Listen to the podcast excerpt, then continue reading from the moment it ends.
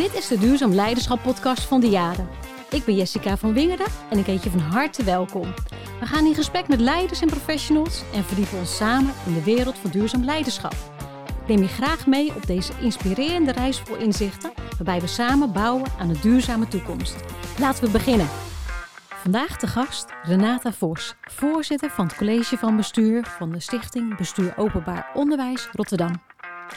Renate, welkom bij de podcast Duurzaam Leiderschap. Fijn dat je bij ons bent. En we gaan vandaag samen in gesprek over het uh, eigenlijk dilemma wat je hebt als leider in, uh, nou ja, eigenlijk in tijden van schaarste, waar je toch sturing moet geven en nou, waar mensen van alles van je verwachten, zowel in de organisatie als, uh, als daarbuiten. Misschien maar als eerste vraag, en gelijk een hele grote. Wat is je dilemma als leider als je werkt in een sector waar de, ja, de korten zo oplopen, zoals dat in het onderwijs is? Ja, één dilemma is dan te weinig. Hè. Er zijn heel veel dilemma's uh, als je te maken krijgt met grote personeelstekorten. Um, als ik kijk naar uh, mijn eigen organisatie, het openbaar onderwijs in Rotterdam, uh, dan zijn er twee dilemma's die ik er nu uitlicht. De eerste is natuurlijk dat wij heel veel onderwijs verzorgen aan kinderen in wijken waar de sociaal-economische achterstanden aanwezig zijn. De sociale uh, situatie van deze gezinnen en de kinderen uit die gezinnen is uh, niet goed. Uh, veel kinderen zitten bij ons op school. En wat je ziet is, is dat de personeelstekorten in het onderwijs vooral op deze scholen zich manifesteren. En dat betekent dat dat een extra dilemma oplevert in tijden van schaarste. Want niet alleen is er een tekort uh, aan personeel, mm -hmm. maar ook nog uh, vooral in scholen uh, waar leerlingen zitten die het hardst het onderwijs nodig hebben. En dat is uh, heel bijzonder om dat te zien, maar zo hebben we het ook echt ervaren. bij ons was het zo dat in 2019 voor het eerst Um, of in 2018 eigenlijk al de tekorten heel groot werden. Terwijl ja. dat toen in Nederland nog niet uh, heel erg uh, aan de orde was. En het was juist op deze scholen en op het speciaal basisonderwijs waar de tekorten het grootst waren. Uh, en wat ga je dan doen? Je gaat natuurlijk zorgen dat het wordt opgelost. Ja. en dat kostte op dat moment heel veel geld. Veel scholen hebben toen gekozen voor het inhuren via uitzendbureaus. En dat leverde de bijzondere situatie op dat tijdelijk de tekorten wel waren opgelost, maar dat het heel veel extra geld kostte. En we daarna moesten bezuinigen, omdat we niet uitkwamen met het geld. En toen hadden we een tweede dilemma erbij. Hoe ga je dan vervolgens met de tekorten? Niet alleen mensen, maar ook om het, met het geld eigenlijk om. Precies, precies. Ja. Er kwam ook een financieel uh, tekort bij. Um, en dat uh, was eigenlijk voor ons het signaal om uh, rigoureus anders te gaan organiseren. Uh, ja. Omdat we zagen dat proberen hetzelfde te doen en wat extra aandacht te besteden aan het werven van mensen, dat dat niet ging helpen. De tekorten die waren uh, die waren er, die zouden ook ja. blijven en ze werden eigenlijk alleen maar groter. En we zagen om ons heen dat daar de tekorten ook toenamen. Uh, ook op de arbeidsmarkt in zijn algemeenheid in Nederland. Dus uh, voor ons was dat een teken om een, een programma te gaan inrichten met vier lijnen om het personeelstekort tegen te gaan. En dat hebben we um, nou, opgezet en ook pro projectmatig ingericht. En daar zijn we nu al een paar jaar mee bezig. En daar zien we nu wel ook de voorzichtige resultaten van. En uh, als dan je vraag zou zijn, wat zijn die resultaten ja. dan? Dan is dat in ieder geval dat we zien dat de tekorten niet verder zijn uh, opgelopen, mm -hmm. dat ze stabiel zijn en dat onze scholen gewend zijn om ermee om te gaan en er niet meer van in paniek raken. Um, en ik denk dat dat al uh, een groot goed is. Ik zie nu elders in Nederland dat de paniek aan het toeslaan is. Ja. En die fase hebben wij achter de rug. Ja. Hey, Renate, je gaf net ook aan, aan het begin ook van dat je vooral zag dat daar waar de problematieken eigenlijk het grootste zijn, hè, ja. waar de scholen staan, waar eigenlijk de sociale vraagstukken in de wijk het grootste zijn, dat daar eigenlijk de korte het snelste opliep in 2018 ja. al. Hebben jullie gekeken naar waarom uh, daar de, juist daar de tekorten zo groot werden?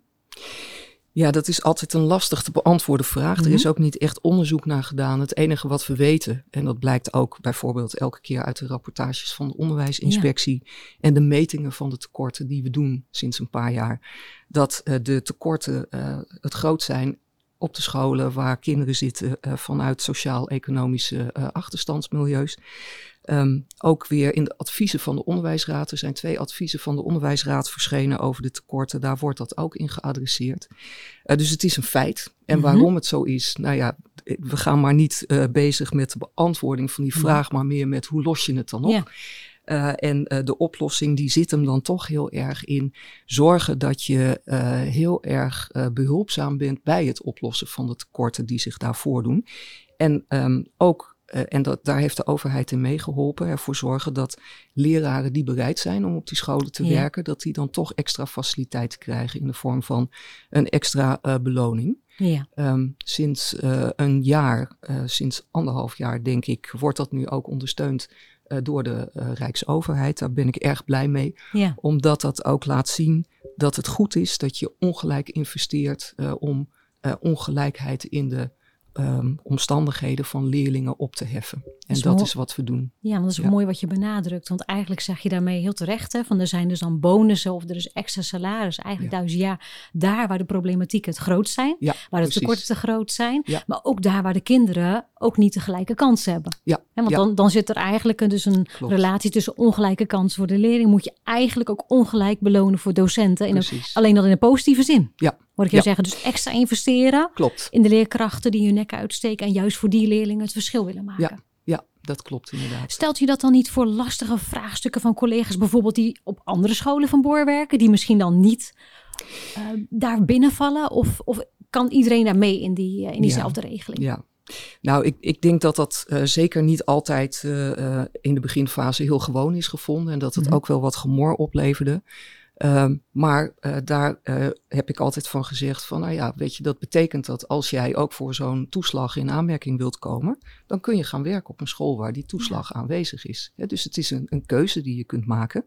Uh, en we hebben eigenlijk gezien dat het, het niet heel veel um, uh, verplaatsingen heeft opgeleverd van mm. onderwijspersoneel. Dus mensen kiezen toch hun, hun, eigen of maken hun eigen keuzes voor de school waar ze willen werken. Ja. En uh, vaak is het zo dat mensen die kiezen voor het werken in scholen waar leerlingen het heel hard nodig hebben, dat is ook een hele bewuste keuze. Dat doen ze heel bewust. Um, en uh, het feit dat dat extra wordt beloond, hè, dat maakt dat ze um, ook langer blijven en minder snel geneigd zijn om weg te gaan. Maar we hebben gezien dat het niet per se betekent dat er dan andere mensen ook kiezen ja. uh, voor het werken op zo'n school. En dat heeft denk ik gewoon ook iets te maken met overtuiging en competenties. Hè. Waar uh, ben je goed in? Waar zit je op je plek en waar kun je het best uh, functioneren? En dat zijn omstandigheden die ik van belang vind als werkgever, om die ook mee te wegen in wat goed is om te doen. Ik, ik, ben niet iemand die ervoor zou kiezen om met dwang en drang uh, mensen te verplaatsen van de ene school naar de andere school. Uh, omdat we uh, ook hebben gezien dat dat meestal niet een duurzaam resultaat oplevert. Um, en wat vraagt dat zeg maar van jou als leider? Want ik kan me heel goed voorstellen, want je zegt, hè, dit is de manier wie wil ik zijn als leider, hè? Ja. ook binnen de organisatie. Namelijk niet dwingend van, hè, we hebben een probleem, we gaan verplicht schuiven, maar ja. meer vanuit het wenkenperspectief, vanuit ja. zingeving van, hey, welke kwaliteiten, competenties en ook hè, misschien ook ja. wel de, de drijf die je hebt als professional om juist om die in te zetten. Ja. Heb je daar bewuste keuzes in gemaakt als het gaat over jouw leiderschap of de manier van communicatie om, om daar zeg maar de mensen te, in te bereiken? Ja, nou, misschien uh, kan ik uh, uh, eerst iets meer vertellen over de aanpak die we hebben gekozen. Mm -hmm. En dan komt jouw vraag vanzelf aan de orde, denk ik. Um, want toen dat personeelstekort heel groot ja. aan het worden was en ook heel acuut bleek, hebben we eigenlijk een programma ingericht met vier uh, verschillende actielijnen. Um, de eerste actielijn was natuurlijk van nou uh, toch je inspanning vergroten om zoveel mogelijk mensen geïnteresseerd te raken voor het onderwijsberoep. Dus goed werven, maar ook heel veel zij-instromers opleiden. Dus we hebben in allerlei maatschappelijke sectoren gekeken en geprobeerd om mensen enthousiast te maken voor het onderwijs en die in de praktijk op te leiden. Um, en die zij-instromers, uh, dat zijn mensen die dus uh, twee jaar uh, werken en leren tegelijkertijd en dan hun bevoegdheid halen, waar normaal gesproken mensen daar vier jaar over doen. Dus dit is een hele klus ja. voor zij-instromers, maar we hebben er heel erg zwaar op ingezet. en we hebben in de tussentijd binnen onze scholen 120 zij-instromers in opleiding, waarvan inmiddels de helft een diploma heeft gehaald. Dus we hebben zo. Dat is een enorm aantal. Dat zijn enorme aantallen, inderdaad. Nou hebben we ook 60 basisscholen. Dus we hebben ruimte om veel op te leiden. Ja. Um, en gelukkig hebben we ook uh, veel opleidingsinstituten in de stad Rotterdam die het mogelijk maken om deze aantallen op te leiden. En andere collega-besturen doen dat ook. Maar dit was een belangrijke lijn, dus de instroom vergroten. En een hele andere belangrijke lijn was voorkomen dat uh, je personeel, het personeel wat je hebt, dat het uitstroomt en weggaat naar een andere werkgever of een ander beroep. Dus dat binden en boeien ook binden echt een en centrale boeien. plek te geven. Ja, ja precies. En dat, uh, uh, daar hebben we ook heel veel op in geïnvesteerd. Vooral ook door veel meer werk te maken van de begeleiding van startende uh, leerkrachten. Ja. We wisten dat heel veel starters uh, binnen twee of drie jaar weer vertrekken, omdat ze het beroep heel zwaar vinden en onvoldoende worden begeleid. Dus we hebben uh, bovenschoolse coaches aangetrokken die die begeleiding verzorgen en die ook bij de starters in de klas gaan zitten, dingen zien van hé, hey, hier valt misschien nog iets bij te spijkeren of er zijn ook andere mogelijkheden. Uh, die ook uh, soms een les overnemen en laten zien hoe je het ook kunt doen. Dus gewoon hele actieve begeleiding op de werkvloer. En dat heeft ertoe geleid dat de uitstroom van onderwijspersoneel uit onze scholen uh, lager is geworden. we hebben nu een mooie situatie dat de instroom groter is dan de uitstroom. En dat is ook een van de verworvenheden van het project of het programma wat we hebben opgestart.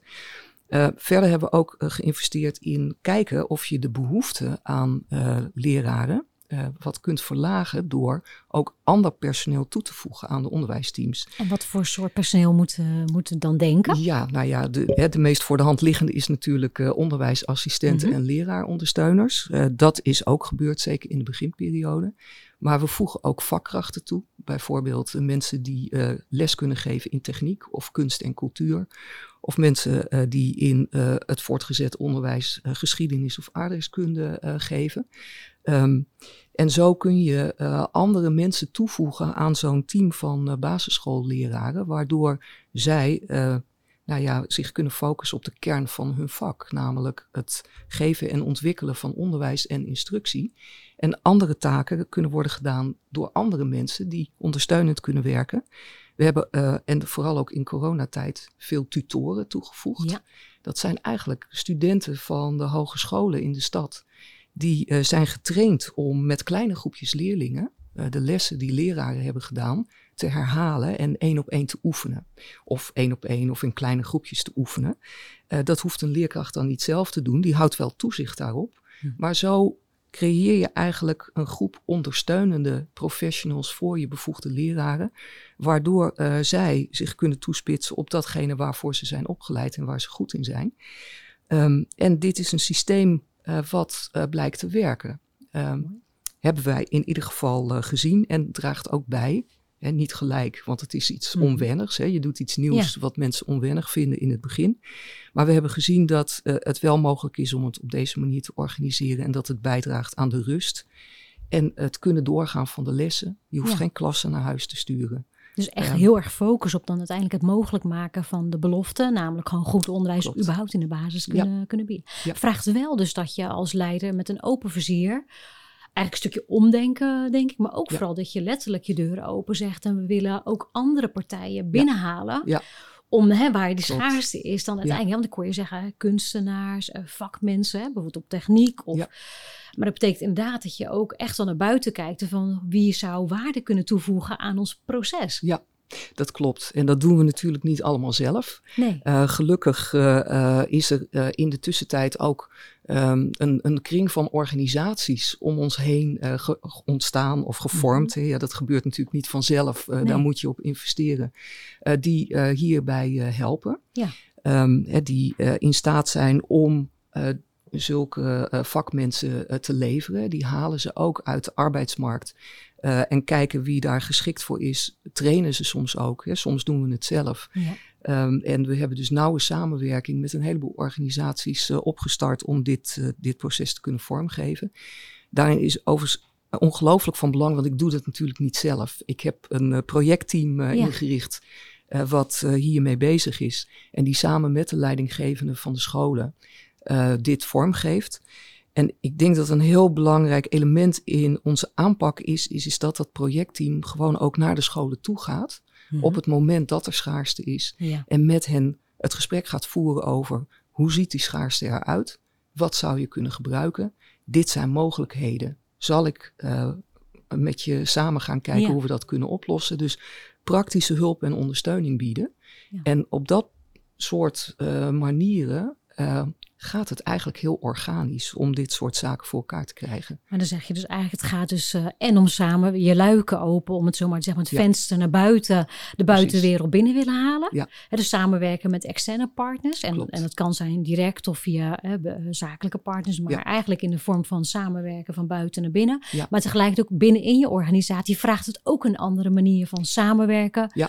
Onderzoeken wat de echte vraag is en wat de echte Precies. oplossingen zijn die bijdragen, hoor ik je zeggen. Ja, dat klopt inderdaad. Hè. Dus niet uh, een blauwdruk bedenken en die uitrollen. Hè, Ja. Want uh, dat werkt in mijn beleving überhaupt niet. Nee. Uh, en zeker niet op het moment dat je uh, de manier waarop het onderwijs is georganiseerd al die jaren uh, probeert te veranderen. Dat moet je organisch doen en dan moet je aansluiten bij de vraag die er leeft. En, uh, en dan gewoon ook heel praktisch ondersteuning bieden. En nou, dat blijkt een aanpak uh, te zijn die ook werkt. En daardoor hebben we de afgelopen periode uh, op heel veel verschillende manieren nu al onderwijsteams anders georganiseerd, om het toch maar zo te noemen. Ja. Um, en met instemming van die onderwijsteams. Want zoiets doe je niet door het op te leggen. Dat Ja. werkt niet. Dus ik hoor je ook zeggen, het gaat ook echt over participatie. Hè? Dus we Ja. moeten het samen doen als organisatie. Precies. Als je, je benoemt ook en benadrukt heel helder, dat doe ik natuurlijk niet alleen. Hè? Uh, vanuit mijn leiderschap Precies. kan ik natuurlijk me vanuit 2018, vijf jaar geleden, starten vanuit een visie. Ja. Dat je eigenlijk ook merkt van, hé, hey, we zijn misschien wel een van de eerste in het land die al met die tekorten te maken krijgen op wat Ja. grotere schaal. Ja. Maar ja, we moeten het met de organisatie doen, hoor ik je zeggen. En tegelijkertijd, als je effectief wil zijn als leider, zul je vooral de eigenlijk denk ik wel de kennis, de kracht ook van je organisatie en al je professionals moeten benutten. Precies. Wil je dit soort grote problemen eigenlijk het hoofd bieden en Ja. anders organiseren mogelijk Ja. uh, kunnen maken? Ja, ja, klopt. Nee, dat klopt inderdaad. Uh, hè, dus je moet degene die uh, uh, dit interessant vinden en willen doen Ja. en daar ook een visie op hebben, die moet je naar voren halen en in de frontlinie zetten. Wat wel ook heel belangrijk is geweest, is, is dat we uh, in deze periode um, samen met de andere besturen in de stad en de andere grote steden ook ruimte hebben uh, georganiseerd bij de Rijksoverheid om hiermee bezig te zijn. Ja.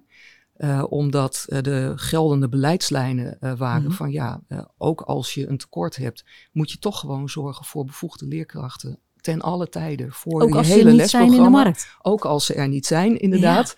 Hè, dat kan. eh, beleid van de overheid, eh, dat is beleid op papier. Hè, dat hoeft niet per se ook uitvoerbaar te zijn in de praktijk.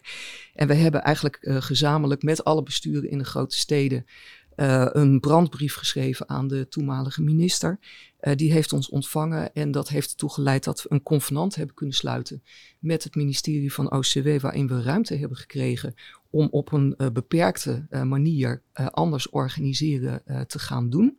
En daar hebben we wat regelruimte voor gekregen. En we hebben extra geld gekregen om zij-instromers op te leiden. En de dingen die ik net vertelde, hè, dus extra Ja. begeleiden, extra coaches voor startende leerkrachten, extra investeren in goed werkgeverschap. Uh, om dat ook mogelijk te maken. En um, nou ja, de, de randvoorwaarde is geweest dat we de kennis die we daarmee opdoen ook onderling delen, maar ook breder uh, voor heel Nederland. En dat, uh, dat hebben we ook gedaan en dat doen we ook graag. Mooi. Omdat we merken dat nu overal de schaarste uitbreekt. En ik denk Ja. dat het voor iedereen heel nuttig uh, kan zijn om kennis te nemen van wat wel werkt en wat niet. Ja. Maar ik denk dat een rode draad, dat zien we ook uh, als je kijkt naar de aanpak in de verschillende steden, toch steeds wel weer is dat het maatwerk moet zijn. Ja. Dat er niet one size fits all mogelijk Nee, is. dus gewoon echt ook kijken wat past in de eigen context. Ja. Hey, en dan hebben jullie nu een aantal jaren ervaring met anders organiseren. En zijn echt al langere tijd op weg met het echt die integrale benadering vanuit die vier pijlers. Ja. Uh, nou levert dat heel veel op als het gaat over nou, bijvoorbeeld het aantal die je net noemde. Hè, van joh, we hebben dan gewoon ook echt gewoon 60 mensen die dan gewoon echt zo'n programma afronden en Ja. werkelijk ook aan de slag gaan. Hè? En klopt. niet afhaken, maar blijven. Hè? Sterker nog, netto hou je nu meer mensen in dienst. Hè? Want er komen er meer binnen dan dat ze eruit gaan. Ja. Dus dat is Ja. succesvol. Ja. Maar in deze situatie ontstaat er in eigenlijk in welke sector je ook werkt als leider met tekorten, ontstaat er ook werkdruk bij je medewerkers. Hoe zorg je er nou voor dat vooral bij de mensen die er al waren, hè, dus die niet in maar die al waren, dat er, ja. er toch een balans blijft of dat er betrokkenheid en bevlogenheid, want ja, die werkdruk is hoog en ook al die veranderingen zijn belangrijk en nodig en tegelijkertijd als je jarenlang gewend bent op een bepaalde manier te werken en al die veranderingen komen, geeft het ook een soort van beleving van verandering en werkdruk soms voor mensen. Hoe zorg je als leider voor die bevlogenheid van mensen? Ja, ja. ja, dat is een, eh, een, een, grote vraag en ook een grote opgave. Hè, want uh, je schetst al uh, hoe ingewikkeld dat is. Hè, dat je eigenlijk van mensen vraagt die al onder druk staan omdat er tekorten zijn, om dan ook nog eens de werkwijze en de routines te veranderen. En dat gaat ook niet zomaar vanzelf. Nee. Dus uh, in de eerste jaren uh, is dit ook echt wel steeds dis de discussie geweest. Hè, van kan dit wel, mag het wel, moet het eigenlijk ook wel, wil ik het ook wel? Ja. En hebben we ook toch wel degelijk nog mensen zien vertrekken uh, naar gebieden buiten de stad.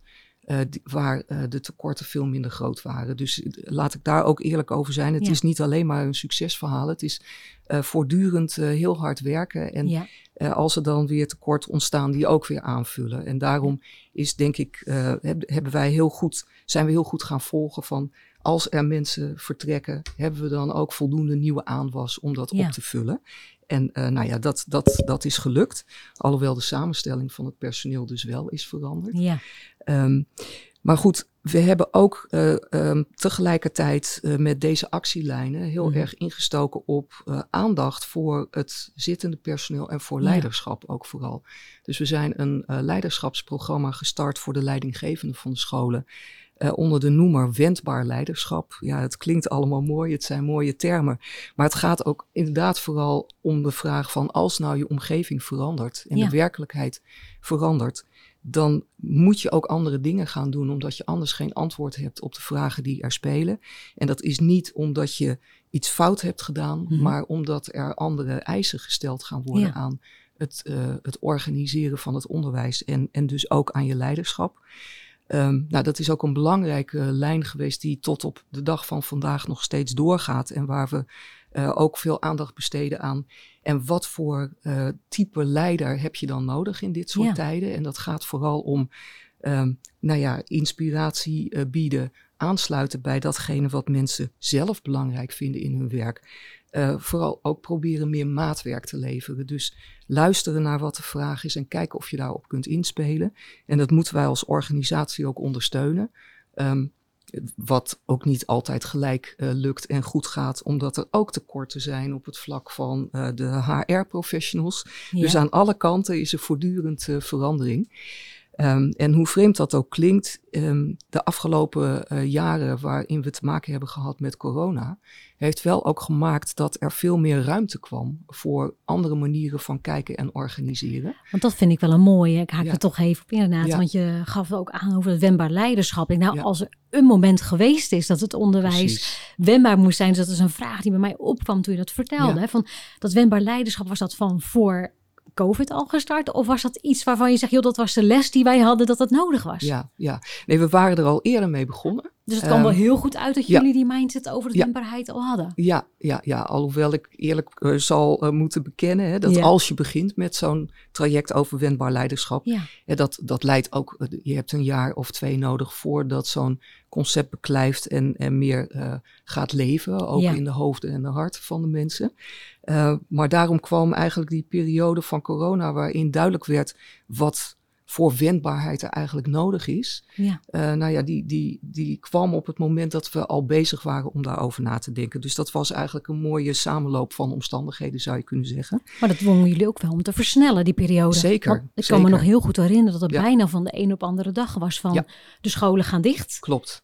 Um, scholen succes en ja. bestuurders, schoolleiders succes. Vanaf Precies. morgen moet je ja. maar zien hoe je digitaal organiseert. Ja, ja, ja, dat klopt. En dat waren natuurlijk hele ingrijpende processen. En ja. uh, dus die tijden waren heel ingewikkeld, want eigenlijk moest iedereen alle zekerheden overboord gooien en het helemaal anders gaan doen. Ja. En in die twee jaar tijd dat het heeft geduurd, uh, moest het ook elk, elke keer weer anders en met andere spelregels. Dus hè, het, het, is niet iets om uh, uh, naar terug te kijken als van goh, hè, wat, wat hebben we daar? Ja, we hebben er van alles van geleerd. Ja. En vooral ook dat wendbaarheid nodig is en nuttig is. Uh, maar het was niet leuk. Nee. Totaal niet. Nee. Uh, en ik, ik weet ook wel dat vooral de leidinggevenden van scholen in die periode ook wel echt hebben gedacht van ik ben alleen maar bezig met operationele dingen om uh, het door te laten gaan. Maar we kunnen helemaal geen aandacht besteden aan hoe we de dingen goed doen. En dat is eigenlijk de drive van elke ja. leidinggevende en werkende in het onderwijs. Dus het is heel moeilijk geweest ten afzien. Maar het heeft de omgeving van het onderwijs wel uh, uh, meer opengemaakt om uh, op een andere manier te kijken ook naar andere vormen van organiseren.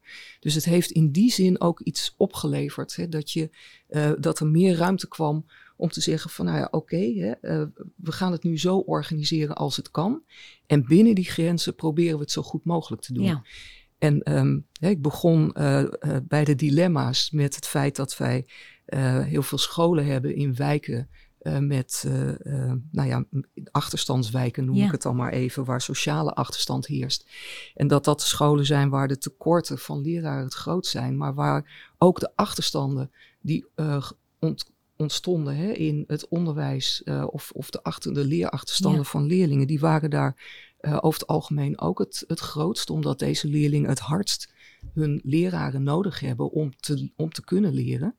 Um, en juist daar, in die wijken, hebben wij ook heel veel programma's lopen van met uh, extra activiteiten, verlengde schooldagen. Uh, in uh, de wijken in Rotterdam Zuid geven onze scholen tien uur extra leertijd per week. En, en, dat doen ze samen met andere organisaties, bijvoorbeeld welzijnswerk, sportorganisaties, ook weer kunst en cultuur, muziek, huiswerkbegeleiding. Ja. En deze organisaties die hebben geholpen in die periode om eigenlijk het aanbod voor die leerlingen zo rijk mogelijk uh, te houden. En um, nou ja, toch uh, ook de leraren van de scholen de gelegenheid te geven om bijles te geven aan leerlingen die het het hardst nodig hadden. En het bijzondere wat zich voordeed was dat toen wij gingen kijken naar uh, hoeveel leerachterstanden zijn er nu eigenlijk in onze scholen, dat juist deze scholen er het best in waren geslaagd om de leerachterstanden te beperken en ook weer het snelst weg te werken. En dat was door de samenwerking met die andere organisaties en andere professionals. Dus ook daar weer die samenwerking met partners, Precies. juist in het ecosysteem om ja, de school heen. Dat klopt. Hè, om de organisatie en het, ja. eigenlijk, dat eigenlijk de versneller is geweest om ja. weer terug te komen dat klopt. op het goede niveau van leren, of, hè, waar, waar de potentie van het kind weer maximaal benut kan worden. Precies. En dat geeft ons de overtuiging dat het dus niet slecht is, zoals vaak mm -hmm. wordt gedacht, om ook andere professionals te betrekken bij het onderwijs, maar dat dat van waarde is en dat dat bijdraagt aan kansengelijkheid. Mooi. Ja.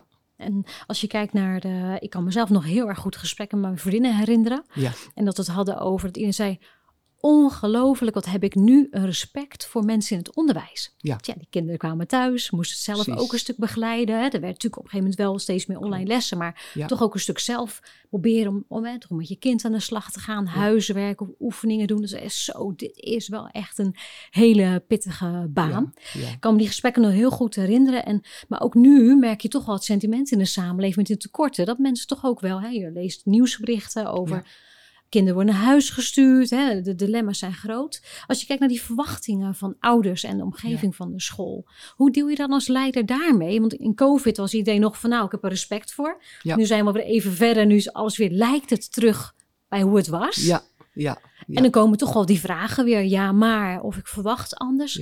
Wat doe je als leider daarmee? Ja.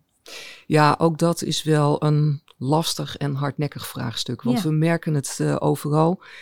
Ik, ik, denk dat iedereen herkent ook de maatschappelijke discussie. Hè, dat ja. uh, als gevolg van de COVID-periode er toch uh, gewoon ook uh, een situatie is ontstaan waarin mensen minder um, ja, geneigd zijn om zich te willen neerleggen bij dat dingen niet gaan zoals ze willen. Dat er toch ook nog wel wat gevoelens zijn van onmacht en depressie. En dat leerlingen in de school het ook moeilijk hebben.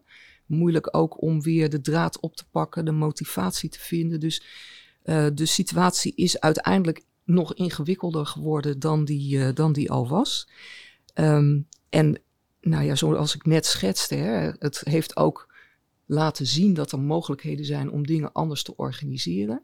Uh, die, de bereidheid om dat te accepteren, die was tijdens corona wel aanwezig en is nu weer iets kleiner. Dus mm. uiteindelijk zullen we toch gewoon hier wel mee moeten doorgaan. Dat doen we ook. Dat kan ook niet anders. Maar hoe neem je uh, begrip, ouders mee? Nou ja, weet je, uiteindelijk uh, komt het toch neer op uh, begrip, vragen en, en ja. aan, ja, kweken, noem ik het dan toch maar, door te laten zien van we doen er alles aan om het onderwijs te laten doorgaan, ook bij tekorten. Uh, we proberen zo goed mogelijk ook goede resultaten te boeken.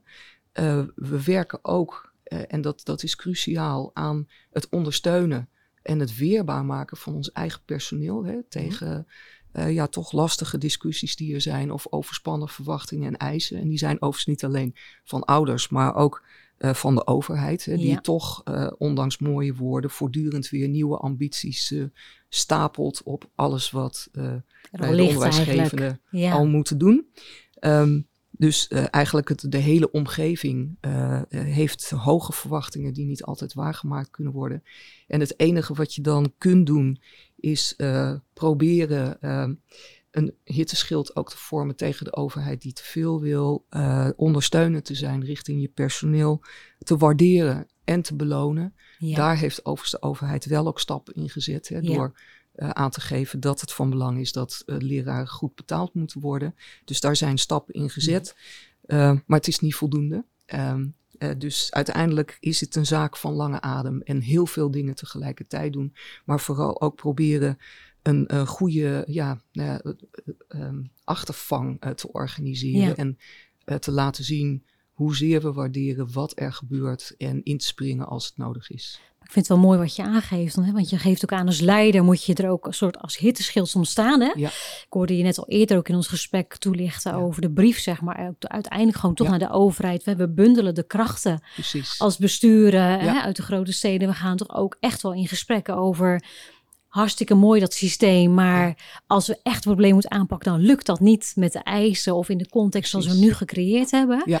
Dus, dus dat is ook een belangrijke zeg. Als je eigenlijk gaat, als hè, kijk naar leiderschap, dan gaat het dus ook daarom. Dus niet alleen maar over die waardering, maar ook wel misschien soms wel Precies. uit het systeem stappen en het op ja. een andere tafel het gesprek voeren. Ja, ja dat klopt. Wat, wat vraagt dat van jou als leider als het gaat ook over met de andere besturen daar verbinding op vinden? Want het is een hartstikke spannende stap. Ja, ja, ja. Um, nou ja, eigenlijk um, het gewoon gaan doen. Hè? Ik, bedoel, ja. ik, uh, ik werk in Rotterdam. Ja. Het is heel Rotterdams ja. inderdaad. Hè? Dus, Geen woorden maar daden. Precies. Uh, niet te lang uh, nadenken over kan dat allemaal wel gewoon gaan doen. Hè? Dat is in ieder geval altijd een belangrijk iets. Hè? Veranderen is doen, zeg ik ook altijd.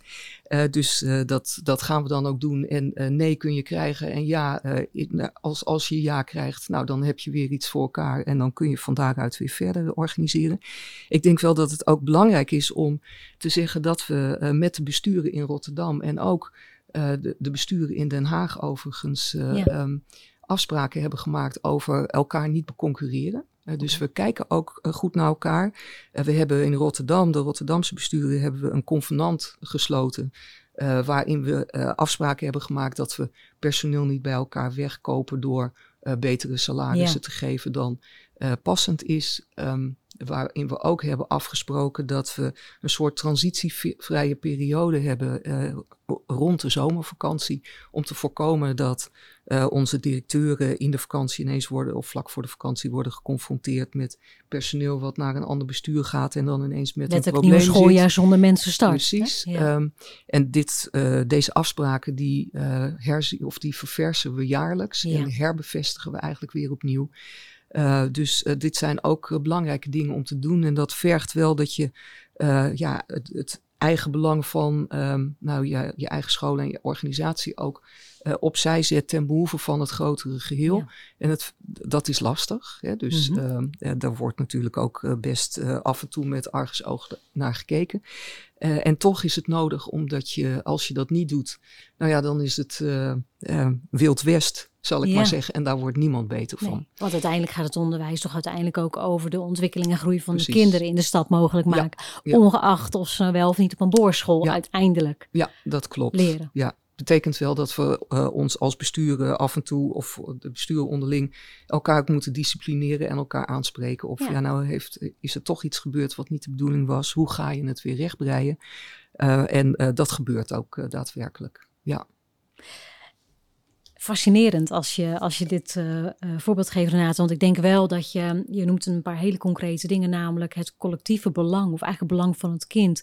En ja, eigenlijk gewoon het maatschappelijk belang. Dus boven je eigen belang of het denken vanuit je eigen bestuur, zeg maar, centraal uh, zetten. Ja, Vraagt ook wel best wel kwetsbaarheid. Ik denk een beetje moed, ook lef als leider. Ja, nou ja, ik, ik, ik vind dat het onontkoombaar is. Dus uh, ik denk dan uh, in termen van wat is er nodig om dit vraagstuk het hoofd te bieden. Ja. En dan zijn al die dingen naast elkaar nodig. Dus ja. uh, niet alleen ook het organiseren bij, binnen je eigen organisatie en die vier lijnen van de aanpak die we hebben uitgezet. Hè, die, die gaan ook gewoon door. Die hebben de hoogste prioriteit. En daarnaast moet je uh, in je omgeving ook proberen het zo te organiseren dat daar ook ruimte voor is en dat je solidariteit met elkaar uh, creëert.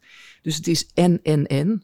Ja. en dat zeg ik ook vaak, dat weten mensen inmiddels al als ze zeggen van wat gaan we doen? Een keuze tussen dat of dat. En dan zeg ik van nee, ik ben van de en aanpak. Dat is inmiddels oei, bekend. Oei, dat wordt heel gevaarlijk, want we gaan nu naar een onderdeel van de podcast oh, die wij uh, stand bij je dus moeten kiezen. Ja, ja, ja. ja, we hebben een aantal uh, woordparen of stellingen waar je een keuze moet maken. Je krijgt er drie. En het einde van de drie mag je één een toelichting geven op je antwoord. Oké. Dus dat zal een uitdagende worden met jouw toelichting net Renate. Van ja. En want ik vraag je om een keuze te maken uit of. Ja. Bonus of waardering? Waardering. Regels of vrijheid? Ja, dat, hier kan ik eigenlijk bijna geen keuze uit maken. Dit is echt een en-en uh, onderwerp. En dat komt omdat... Maar, mag, ja, dat mag zeker niet, hè? Nee. Ja. um, Vrijheid binnen regels. Mooie creatieve oplossing. Doe maar duurzaam of doe maar gewoon. Ja, dat klinkt nu heel flauw, maar doe maar gewoon. Mooi. Op welke van de drie wil jij een toelichting op je antwoord geven? Ik krijg zomaar het idee dat het regels of vrijheid is. Ja, niet? ja dat klopt. Want dat, uh, um, dat uh, lijkt een tegenstelling. Ja. Um, en ik wil uh, in dat kader ook heel graag de stadsdichter van Rotterdam aanhalen, Jules Deelder. Ja met zijn uitspraak dat binnen de perken de vrijheid minstens zo groot is als buiten de perken. En dat geeft aan dat uh, ook binnen regels en binnen grenzen er altijd ongelooflijk veel vrijheid is die benut kan worden om maximale resultaten te behalen. Dus ik vind het altijd uh, um, uh, een soort vlucht hè, om te zeggen van ja, ja, het mag niet, want de regels zijn nou eenmaal ja. zo. Uh, als je kijkt wat er mogelijk is binnen de regels, dan is er nog heel veel mogelijk. Dus vandaar dat ik nooit een keuze wil maken. Mooi. Ja. Daar staat er op het vasteland in Rotterdam staat uh, het nieuwe kantoor. En de zijkant van, van het nieuwe kantoor prijkt dat mooie gedicht ja, van Jules. Dat klopt. Zouden wij kunnen concluderen dat anders ontwikkelen gelijk staat aan het gedicht van Jules? Binnen Eigenlijk de beperken wel. zijn ja. de mogelijkheden even onbeperkt als daarbuiten? Ja, ja. Ja, ja, ja, wat mij betreft wel. Dat zou ik een hele mooie samenvatting vinden van uh, dat aanpak. streven en de aanpak inderdaad naar uh, anders organiseren. Eigenlijk is het anders kijken naar de werkelijkheid om te zien wat er nog veel wat er mogelijk is. Uh, en dan blijkt er altijd veel meer mogelijk te zijn dan uh, wanneer je alleen maar kijkt naar de beperkingen. Ik ja. denk dat het uh, een prachtig voorbeeld is, niet alleen voor het onderwijs, maar ook ja. voor andere sectoren. Als we kijken hoe jullie anders organiseren, vorm hebben gegeven, ja. waarin je vensters openzet en leert van buiten mensen naar binnen haalt, maar ook samen intern anders samenwerkt. Ja samenwerkt met andere besturen richting een ministerium en toch ook weer met een ministerie weer ja. vervolgens samenwerkt om te werken aan integrale oplossingen. Ja. Met een uh, kabinet wat gevallen is, waar ja. de verkiezingen aankomen, nieuwe politie gaan zoeken. Denk ik echt ook een prachtig voorbeeld om even los te komen van het oude denken. Inderdaad, van systeemdenken in hè, het kan niet volgens de regels, naar hoe maken we echt mogelijk wat, uh, wat wel Precies. kan. Ik heb een laatste vraag voor jou uh, in onze podcast, die stellen we iedere aflevering. En dat is namelijk welke les trek je nou zelf als leider uit deze situatie van schaarste en het ja. sturen in schaarste? En, en, welke van jouw inzichten wil je graag meegeven aan de luisteraars? Ja, nou, ik, ik denk dat de belangrijkste les uit schaarste is, is dat schaarste uh, ook noodzaakt om uh, anders te gaan kijken naar je werkelijkheid. En dat dat dan vervolgens ook het bruggetje is naar uh, nieuwe mogelijkheden verkennen en gaan toepassen. want zonder die schaarste is dat veel uh, minder goed te doen, omdat iedereen dan heel erg uh, binnen de bestaande systemen blijft denken. Dus en men zegt ook wel eens van, nou ja, iets, iets van schuring of crisis helpt om tot verandering te komen. Uh, schaarste is bij uitstek zo'n uh, zo'n situatie waarin je gedwongen wordt op een andere manier te kijken en een andere manier te gaan werken en denken. En uh, ik vind dat buitengewoon waardevol. Dus daarom zou dat de les zijn die ik zou willen meegeven over schaarste. Kijk vooral ook naar ehm, ja, welke mogelijkheden het biedt. En ga daarmee aan de slag. Het doen, veranderen is doen. Dat is een hele belangrijke. Dus blijf niet hangen binnen de beperkingen, maar ga vooral kijken naar de mogelijkheden en de oplossingen. Um, ja, en dat is eigenlijk gewoon ook het inzicht wat ik zou willen meegeven. Prachtig inzicht, wat volgens mij hartstikke verrijkend is voor uh, alle luisteraars van de podcast ja. ook. Ja. Enorm veel dank voor het mooie gesprek. Ja, geen dank. Ik vond het leuk om te doen. Mooi, dankjewel. Dit was een podcast van Diade. Wilt u reageren of iemand aandragen als gast? Mail dan naar duurzaamleiderschap.diade.nl. Volg onze socials en neem een kijkje op diade.nl om te zien wat wij voor u kunnen betekenen op het gebied van duurzaamheid.